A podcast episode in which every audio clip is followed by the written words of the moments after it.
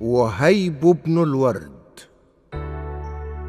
في أرض مكة المكرمة كان يعيش الكثير من العلماء والصالحين وكان المسجد الحرام يمتلئ بالعباد والدعاة والمعلمين وطلاب العلم. ومن بين هؤلاء كان أحد العباد أشهر من نار على علم. إنه وهيب بن الورد الذي كان قدوة للكثير من الناس. ليس للعامة فقط بل للعلماء أنفسهم. وعلى رأس هؤلاء العالم الشهير سفيان الثوري. ننهي درس اليوم. هيا بنا. إلى أين يا سيدي سفيان؟ إلى الطبيب. الطبيب الطبيب الطبيب ماذا؟ خيرا يا شيخنا سفيان ماذا بك؟ هل أنت مريض؟ لا يا عبد العزيز الحمد لله تعالى على نعمته أنا في كامل صحتي لما ستذهب إلى الطبيب إذن؟ إنه طبيب للروح يعالج النفوس ويصف الدواء للقلوب من تعني؟ هذا من أعني وهيب بن الورد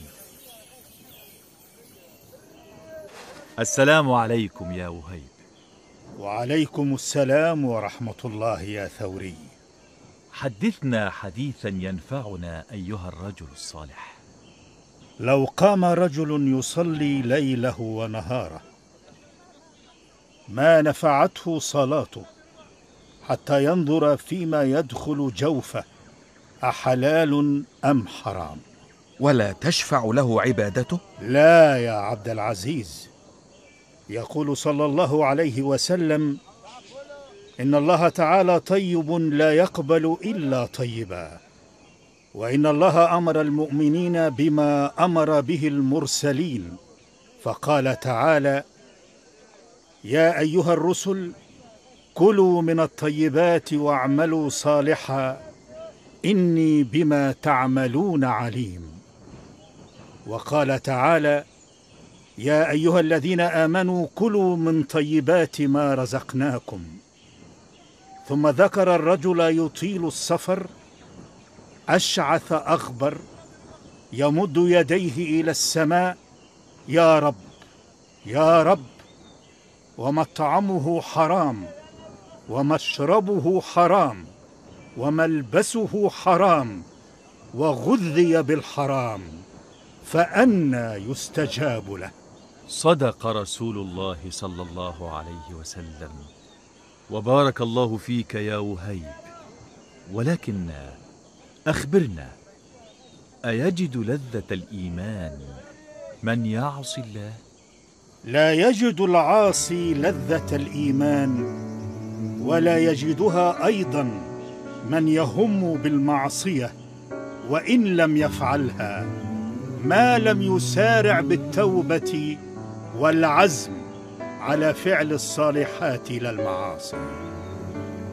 اللهم أبعدنا عن معصيتك وقربنا من طاعتك. آمين. هكذا كان وهيب ناصحا لله مقصدا لمن يريد التقرب إلى الله جل وعلا. كان سفيان الثوري على حق بأن جعلنا نجلس مع هذا الرجل. ألم تجلس مع وهيب من قبل؟ كلا ولم أكن أعرفه. إذا سأحكي لك قصة حدثت معي أنا شخصيا لتعرف من هو وهيب. كنت ذات يوم أطوف بالكعبة. كان الجو ممطرا والوقت ليلا ورأيت شخصا ساجدا خلف مقام إبراهيم عليه السلام. من هذا؟ لا يهم. سأطوف حول الكعبة ثم أقوم الليل بإذن الله. بدأت في الطواف ولم يتحرك ذلك الشخص من مكانه. وبعد أن أنهيت الطواف كان لا يزال ساجدا. كنا في أول الليل فاخترت مكانا قريبا منه وبدأت أصلي القيام. صليت الليل كله وذلك الساجد لم يبرح مكانه. كان يبكي ويدعو الله متضرعا. وفي آخر الليل قام من السجود واكتشفت من هو. من؟ وهيب بن الورد؟ كيف حالك يا وهيب؟ الحمد لله يا عبد العزيز. كما ترى مثقل بالذنوب. وأرجو عفو الرحمن. أتدري أني رأيت رؤيا أمس وكان لك فيها نصيب؟ خيرا إن شاء الله. رأيت أنني في مكان ما واسع وأن مناديا ينادي ويقول اخبر وهيب بن الورد أن ذنبه قد غفر وأنه من أهل الجنة. إنا لله وإنا إليه راجعون. ما الأمر يا وهيب؟ أراك تبكي؟ أخشى أن تكون هذه الرؤيا من الشيطان لتبلغني بها فيتسرب الغرور إلى نفسي وأطمئن إلى الدنيا فيصيبني غضب من الله وعذاب. اللهم اصرف عني كيد الشيطان اللهم اصرف عني كيد الشيطان. وتركته وأنا متعجب من ورعه وخوفه من الله وتقواه. سبحان الله حقا. إنه شخص يندر أن تجد مثله. كان وهيب يحفظ الكثير من قصص الأنبياء والمرسلين وكان يقصها على المسلمين ليأخذوا منها العظة سامحني يا سيدي لن أعود إلى السرقة مرة أخرى. دعني أخرج أرجوك. وما يدريني أنك لن تعودي إلى السرقة مرة أخرى. لن أتركك حتى أسلمك إلى جندي يقتادك إلى السجن. إنني أعلن التوبة أمامك. وهل يقبل الله لك توبة؟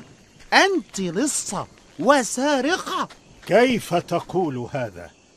وما يدريك بما يقبله الله عز وجل وما لا يقبله؟ وهيب بن الورد أنت تقول هذا؟ سأخبرك بما حدث اولا ثم أحكم أنت.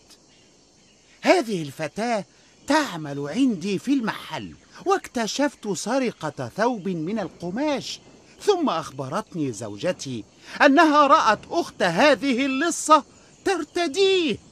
كنت وعدتها بأن أشتريه لها ولكنني لم أستطع.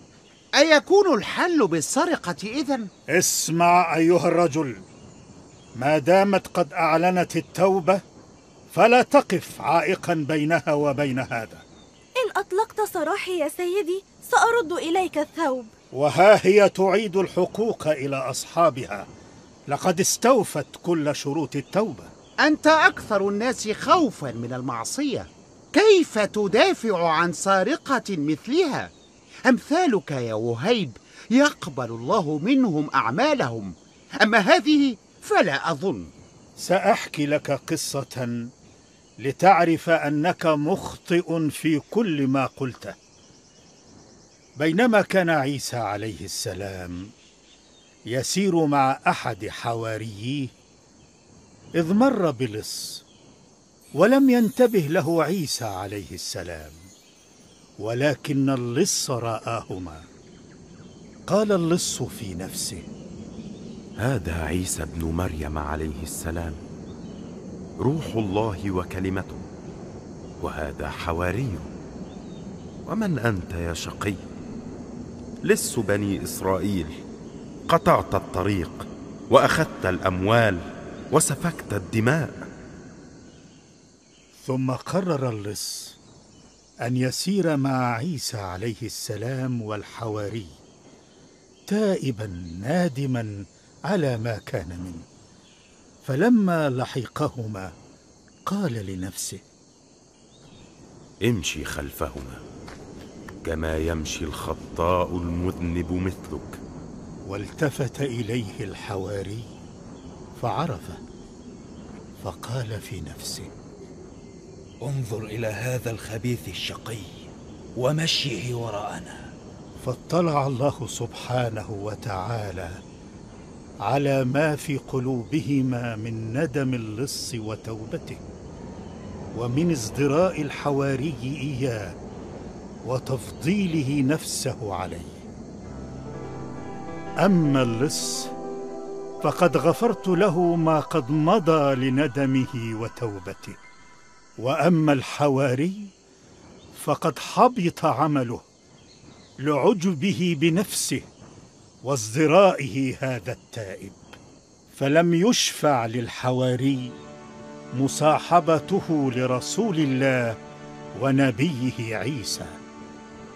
وقبل الله توبة اللص شرط أن يبدأ في العمل الصالح. فهمت. حسنا.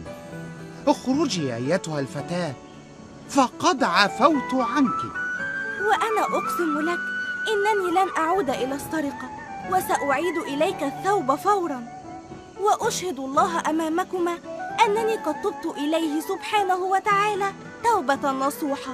جزاك الله خيرا يا وهيب أرجو أن يجعل الله ما تفعله هذه الفتاة من عمل صالح. في ميزان حسناتك.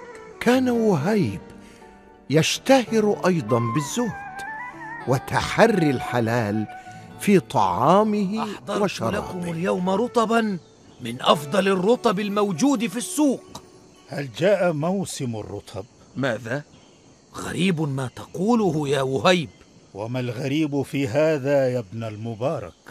موسم الرطب يوشك أن ينتهي. نحن في آخره. ألم تذق رطبا منذ بداية الموسم؟ ألا تعرف أنت أنني لا آكل من رطب مكة وما الذي يمنعك من هذا يا وهيب؟ ما أعرفه أن معظم مزارع النخيل في مكة هي بساتين لا يعرف أصحابها فكرهت أن آكل منها يرحمك الله يا وهيب يجوز أكل ثمار البستان الذي لا يعرف صاحبه طالما أصبحت الثمار متوفرة في الأسواق فلا تضيق على نفسك. لا أطلب منكم أن تفعلوا مثلي فإنما هو أمر أفعله أنا لأنني أعلم ضعف نفسي. سآخذ منكم بعض الماء فقط. وسآكل من الخبز فهذا يشبعني بإذن الله ويمنحني القوة والطاقة لأكمل الصلاة والتقرب إلى الله في هذا الشهر الكريم. ما أشد زهدك يا ابن الورد؟ رحم الله الرجل الصالح وهيب بن الورد. وهيب بن الورد. في أرض مكة المكرمة كان يعيش الكثير من العلماء والصالحين وكان المسجد الحرام يمتلئ بالعباد والدعاة والمعلمين وطلاب العلم. ومن بين هؤلاء كان أحد العباد أشهر من نار على علم إنه وهيب بن الورد. الذي كان قدوة للكثير من الناس. ليس للعامة فقط بل للعلماء أنفسهم. وعلى رأس هؤلاء العالم الشهير سفيان الثوري. ننهي درس اليوم. هيا بنا. إلى أين يا سيدي سفيان؟ إلى الطبيب. الطبيب؟ طبيب ماذا؟ خيرا يا شيخنا سفيان. ماذا بك؟ هل أنت مريض؟ لا يا عبد العزيز. الحمد لله تعالى على نعمته. أنا في كامل صحتي. لما ستذهب إلى الطبيب إذن؟ إنه طبيب للروح. يعالج النفوس ويصف الدواء للقلوب. من تعني؟ هذا من أعني. وهيب بن الورد السلام عليكم يا وهيب. وعليكم السلام ورحمة الله يا ثوري. حدثنا حديثا ينفعنا أيها الرجل الصالح. لو قام رجل يصلي ليله ونهاره ما نفعته صلاته حتى ينظر فيما يدخل جوفه أحلال أم حرام؟ ولا تشفع له عبادته؟ لا يا عبد العزيز. يقول صلى الله عليه وسلم إن الله تعالى طيب لا يقبل إلا طيبا وإن الله أمر المؤمنين بما أمر به المرسلين فقال تعالى يا أيها الرسل كلوا من الطيبات واعملوا صالحا إني بما تعملون عليم. وقال تعالى يا أيها الذين آمنوا كلوا من طيبات ما رزقناكم. ثم ذكر الرجل يطيل السفر أشعث أغبر يمد يديه إلى السماء يا رب يا رب ومطعمه حرام ومشربه حرام وملبسه حرام وغذي بالحرام فانى يستجاب له. صدق رسول الله صلى الله عليه وسلم. وبارك الله فيك يا وهيب. ولكن أخبرنا أيجد لذة الإيمان من يعصي الله؟ لا يجد العاصي لذة الإيمان ولا يجدها أيضا من يهم بالمعصية وإن لم يفعلها ما لم يسارع بالتوبة والعزم على فعل الصالحات لا المعاصي. اللهم أبعدنا عن معصيتك وقربنا من طاعتك. آمين. هكذا كان وهيب ناصحا لله مقصدا لمن يريد التقرب إلى الله جل وعلا. كان سفيان الثوري على حق. بأن جعلنا نجلس مع هذا الرجل. ألم تجلس مع وهيب من قبل؟ كلا ولم أكن أعرفه. إذا سأحكي لك قصة حدثت معي أنا شخصيا لتعرف من هو وهيب. كنت ذات يوم أطوف بالكعبة. كان الجو ممطرا والوقت ليلا ورأيت شخصا ساجدا خلف مقام إبراهيم عليه السلام. من هذا؟ لا يهم. سأطوف حول الكعبة ثم أقوم الليل بإذن الله. بدأت في الطواف ولم يتحرك ذلك الشخص من مكانه. وبعد أن أنهيت الطواف كان لا يزال ساجدا. كنا في أول الليل فاخترت مكانا قريبا منه وبدأت أصلي القيام. صليت الليل كله وذلك الساجد لم يبرح مكانه. كان يبكي ويدعو الله متضرعا. وفي آخر الليل قام من السجود واكتشفت من هو. من؟ وهيب بن الورد؟ كيف حالك يا وهيب؟ الحمد لله يا عبد العزيز. كما ترى مثقل بالذنوب. وأرجو عفو الرحمن. أتدري أني رأيت رؤيا أمس وكان لك فيها نصيب؟ خيرا إن شاء الله. رأيت أنني في مكان ما واسع وأن مناديا ينادي ويقول اخبر وهيب بن الورد أن ذنبه قد غفر وأنه من أهل الجنة. إنا لله وإنا إليه راجعون. ما الأمر يا وهيب؟ أراك تبكي. أخشى أن تكون هذه الرؤيا من الشيطان لتبلغني بها فيتسرب الغرور إلى نفسي وأطمئن إلى الدنيا فيصيبني غضب من الله وعذاب. اللهم اصرف عني كيد الشيطان اللهم اصرف عني كيد الشيطان. وتركته وأنا متعجب من ورعه وخوفه من الله وتقواه. سبحان الله حقا. إنه شخص يندر أن تجد مثله. كان وهيب يحفظ الكثير من قصص الأنبياء والمرسلين وكان يقصها على المسلمين ليأخذوا منها العظة سامحني يا سيدي لن أعود إلى السرقة مرة أخرى. دعني أخرج أرجوك. وما يدريني أنك لن تعودي إلى السرقة مرة أخرى. لن أتركك حتى أسلمك إلى جندي يقتادك إلى السجن. إنني أعلن التوبة أمامك. وهل يقبل الله لك توبة؟ أنت لصه وسارقه كيف تقول هذا؟ وما يدريك بما يقبله الله عز وجل وما لا يقبله؟ وهيب بن الورد أنت تقول هذا؟ سأخبرك بما حدث اولا ثم أحكم أنت. هذه الفتاة تعمل عندي في المحل واكتشفت سرقة ثوب من القماش ثم أخبرتني زوجتي أنها رأت أخت هذه اللصة ترتديه. كنت وعدتها بأن أشتريه لها ولكنني لم أستطع. أيكون الحل بالسرقة إذن؟ اسمع أيها الرجل ما دامت قد أعلنت التوبة فلا تقف عائقا بينها وبين هذا.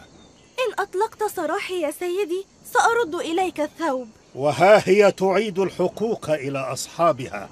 لقد استوفت كل شروط التوبة. أنت أكثر الناس خوفا من المعصية. كيف تدافع عن سارقة مثلها؟ أمثالك يا وهيب يقبل الله منهم أعمالهم. أما هذه فلا أظن.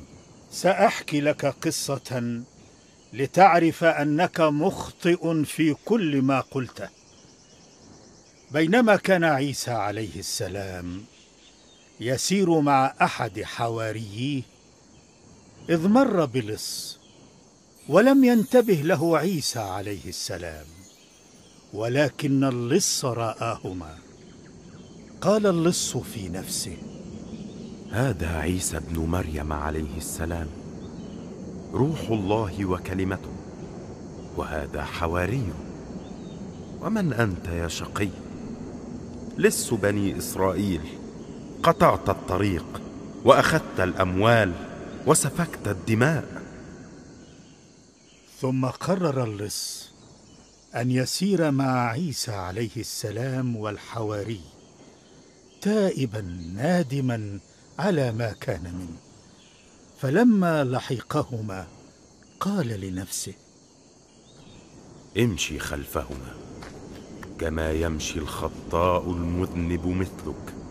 والتفت إليه الحواري فعرفه فقال في نفسه انظر إلى هذا الخبيث الشقي ومشيه وراءنا. فاطلع الله سبحانه وتعالى على ما في قلوبهما من ندم اللص وتوبته ومن ازدراء الحواري إياه وتفضيله نفسه عليه. أما اللص فقد غفرت له ما قد مضى لندمه وتوبته. وأما الحواري فقد حبط عمله لعجبه بنفسه وازدرائه هذا التائب. فلم يشفع للحواري مصاحبته لرسول الله ونبيه عيسى. وقبل الله توبة اللص شرط أن يبدأ في العمل الصالح. فهمت. حسنا. اخرجي أيتها الفتاة فقد عفوت عنك. وأنا أقسم لك إنني لن أعود إلى السرقة وسأعيد إليك الثوب فورا. وأشهد الله أمامكما أنني قد تبت إليه سبحانه وتعالى توبة نصوحة. جزاك الله خيرا يا وهيب. أرجو أن يجعل الله ما تفعله هذه الفتاة من عمل صالح. في ميزان حسناتك. كان وهيب يشتهر أيضا بالزهد وتحري الحلال في طعامه أحضرت لكم وشرابه اليوم رطبا من أفضل الرطب الموجود في السوق. هل جاء موسم الرطب؟ ماذا؟ غريب ما تقوله يا وهيب. وما الغريب في هذا يا ابن المبارك؟ موسم الرطب يوشك أن ينتهي. نحن في آخره. ألم تذق رطبا منذ بداية الموسم؟ ألا تعرف أنت أنني لا آكل من رطب مكة؟ وما الذي يمنعك من هذا يا وهيب؟ ما أعرفه أن معظم مزارع النخيل في مكة هي بساتين لا يعرف أصحابها فكرهت أن آكل منها. يرحمك الله يا وهيب. يجوز أكل ثمار البستان الذي لا يعرف صاحبه طالما أصبحت الثمار متوفرة في الأسواق. فلا تضيق على نفسك. لا أطلب منكم أن تفعلوا مثلي فإنما هو أمر أفعله أنا لأنني أعلم ضعف نفسي. سآخذ منكم بعض الماء فقط وسآكل من الخبز فهذا يشبعني بإذن الله ويمنحني القوة والطاقة لأكمل الصلاة والتقرب إلى الله في هذا الشهر الكريم. ما أشد زهدك يا ابن الورد؟ رحم الله الرجل الصالح وهيب بن الورد. الفضل بن عمرو بن حماد.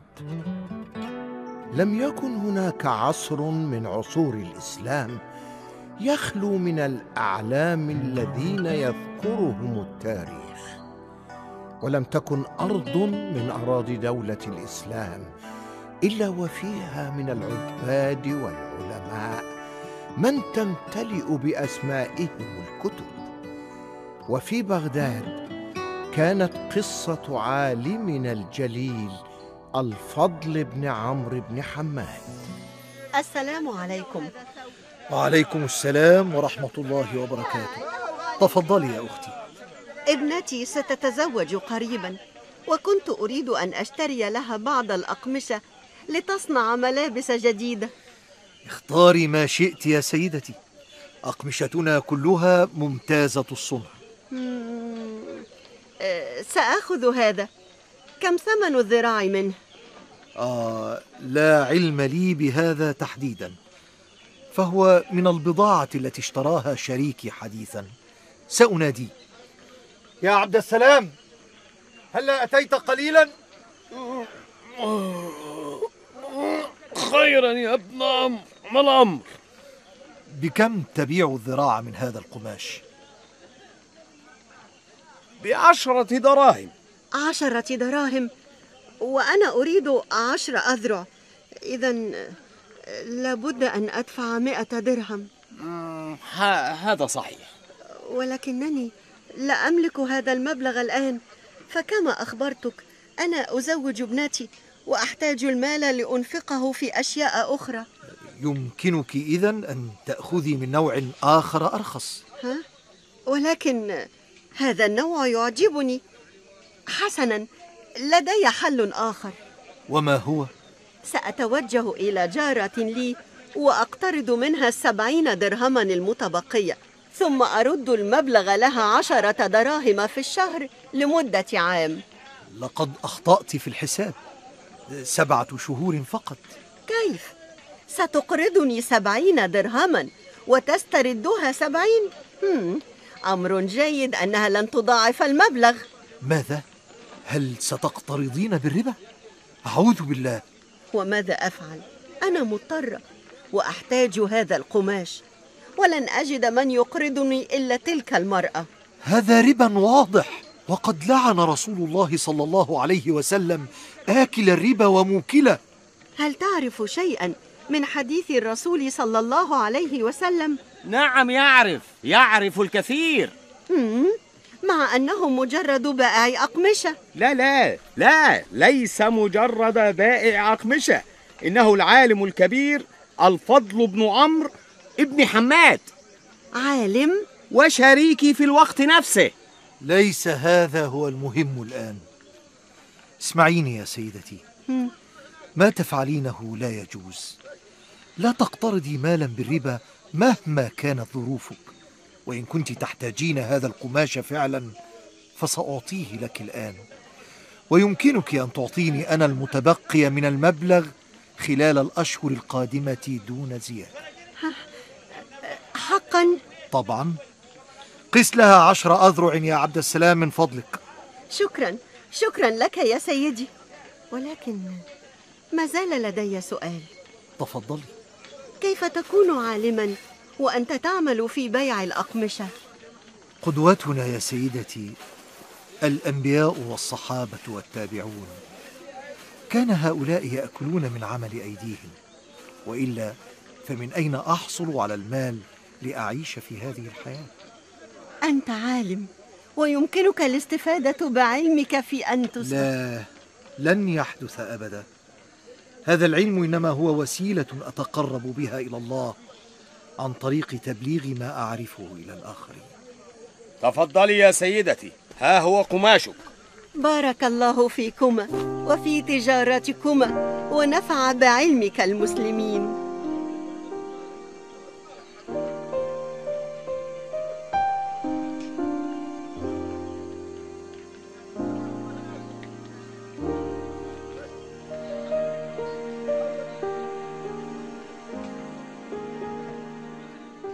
وبسبب حرصه على الأمر بالمعروف والنهي عن المنكر حدثت له قصة شهيرة. أيها الناس يا سكان بغداد أصدر الخليفة المأمون قرارا يمنع أي شخص من ممارسة الأمر بالمعروف والنهي عن المنكر في شوارع بغداد وغيرها. ومن يخالف الأمر يعرض نفسه للعقاب. أيها الناس يا سكان بغداد. هل سمعت يا ابن عمرو؟ سمعت يا عبد السلام. أليس أمرا غريبا؟ ما الذي يدعو الخليفة المأمون إلى فعل هذا؟ لأن هناك من الناس من أصبح يسيء للإسلام في أمره بالمعروف ونهي عن المنكر. كيف؟ كهذا الرجل الذي هناك ولم لا تحضرون حلقة حفظ القرآن بدلا من لهوكم في الشوارع ها؟ ها؟ ها؟ ها؟ ها؟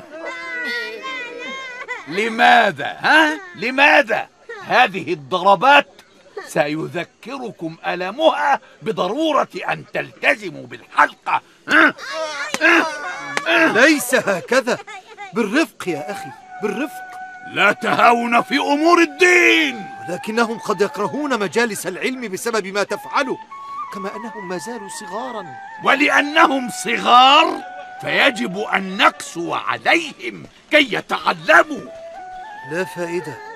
رأيت؟ رأيت. لا حول ولا قوة إلا بالله. ولكن هل يستجيب الإمام الفضل لهذا القرار ويمتنع عن الأمر بالمعروف والنهي عن المنكر.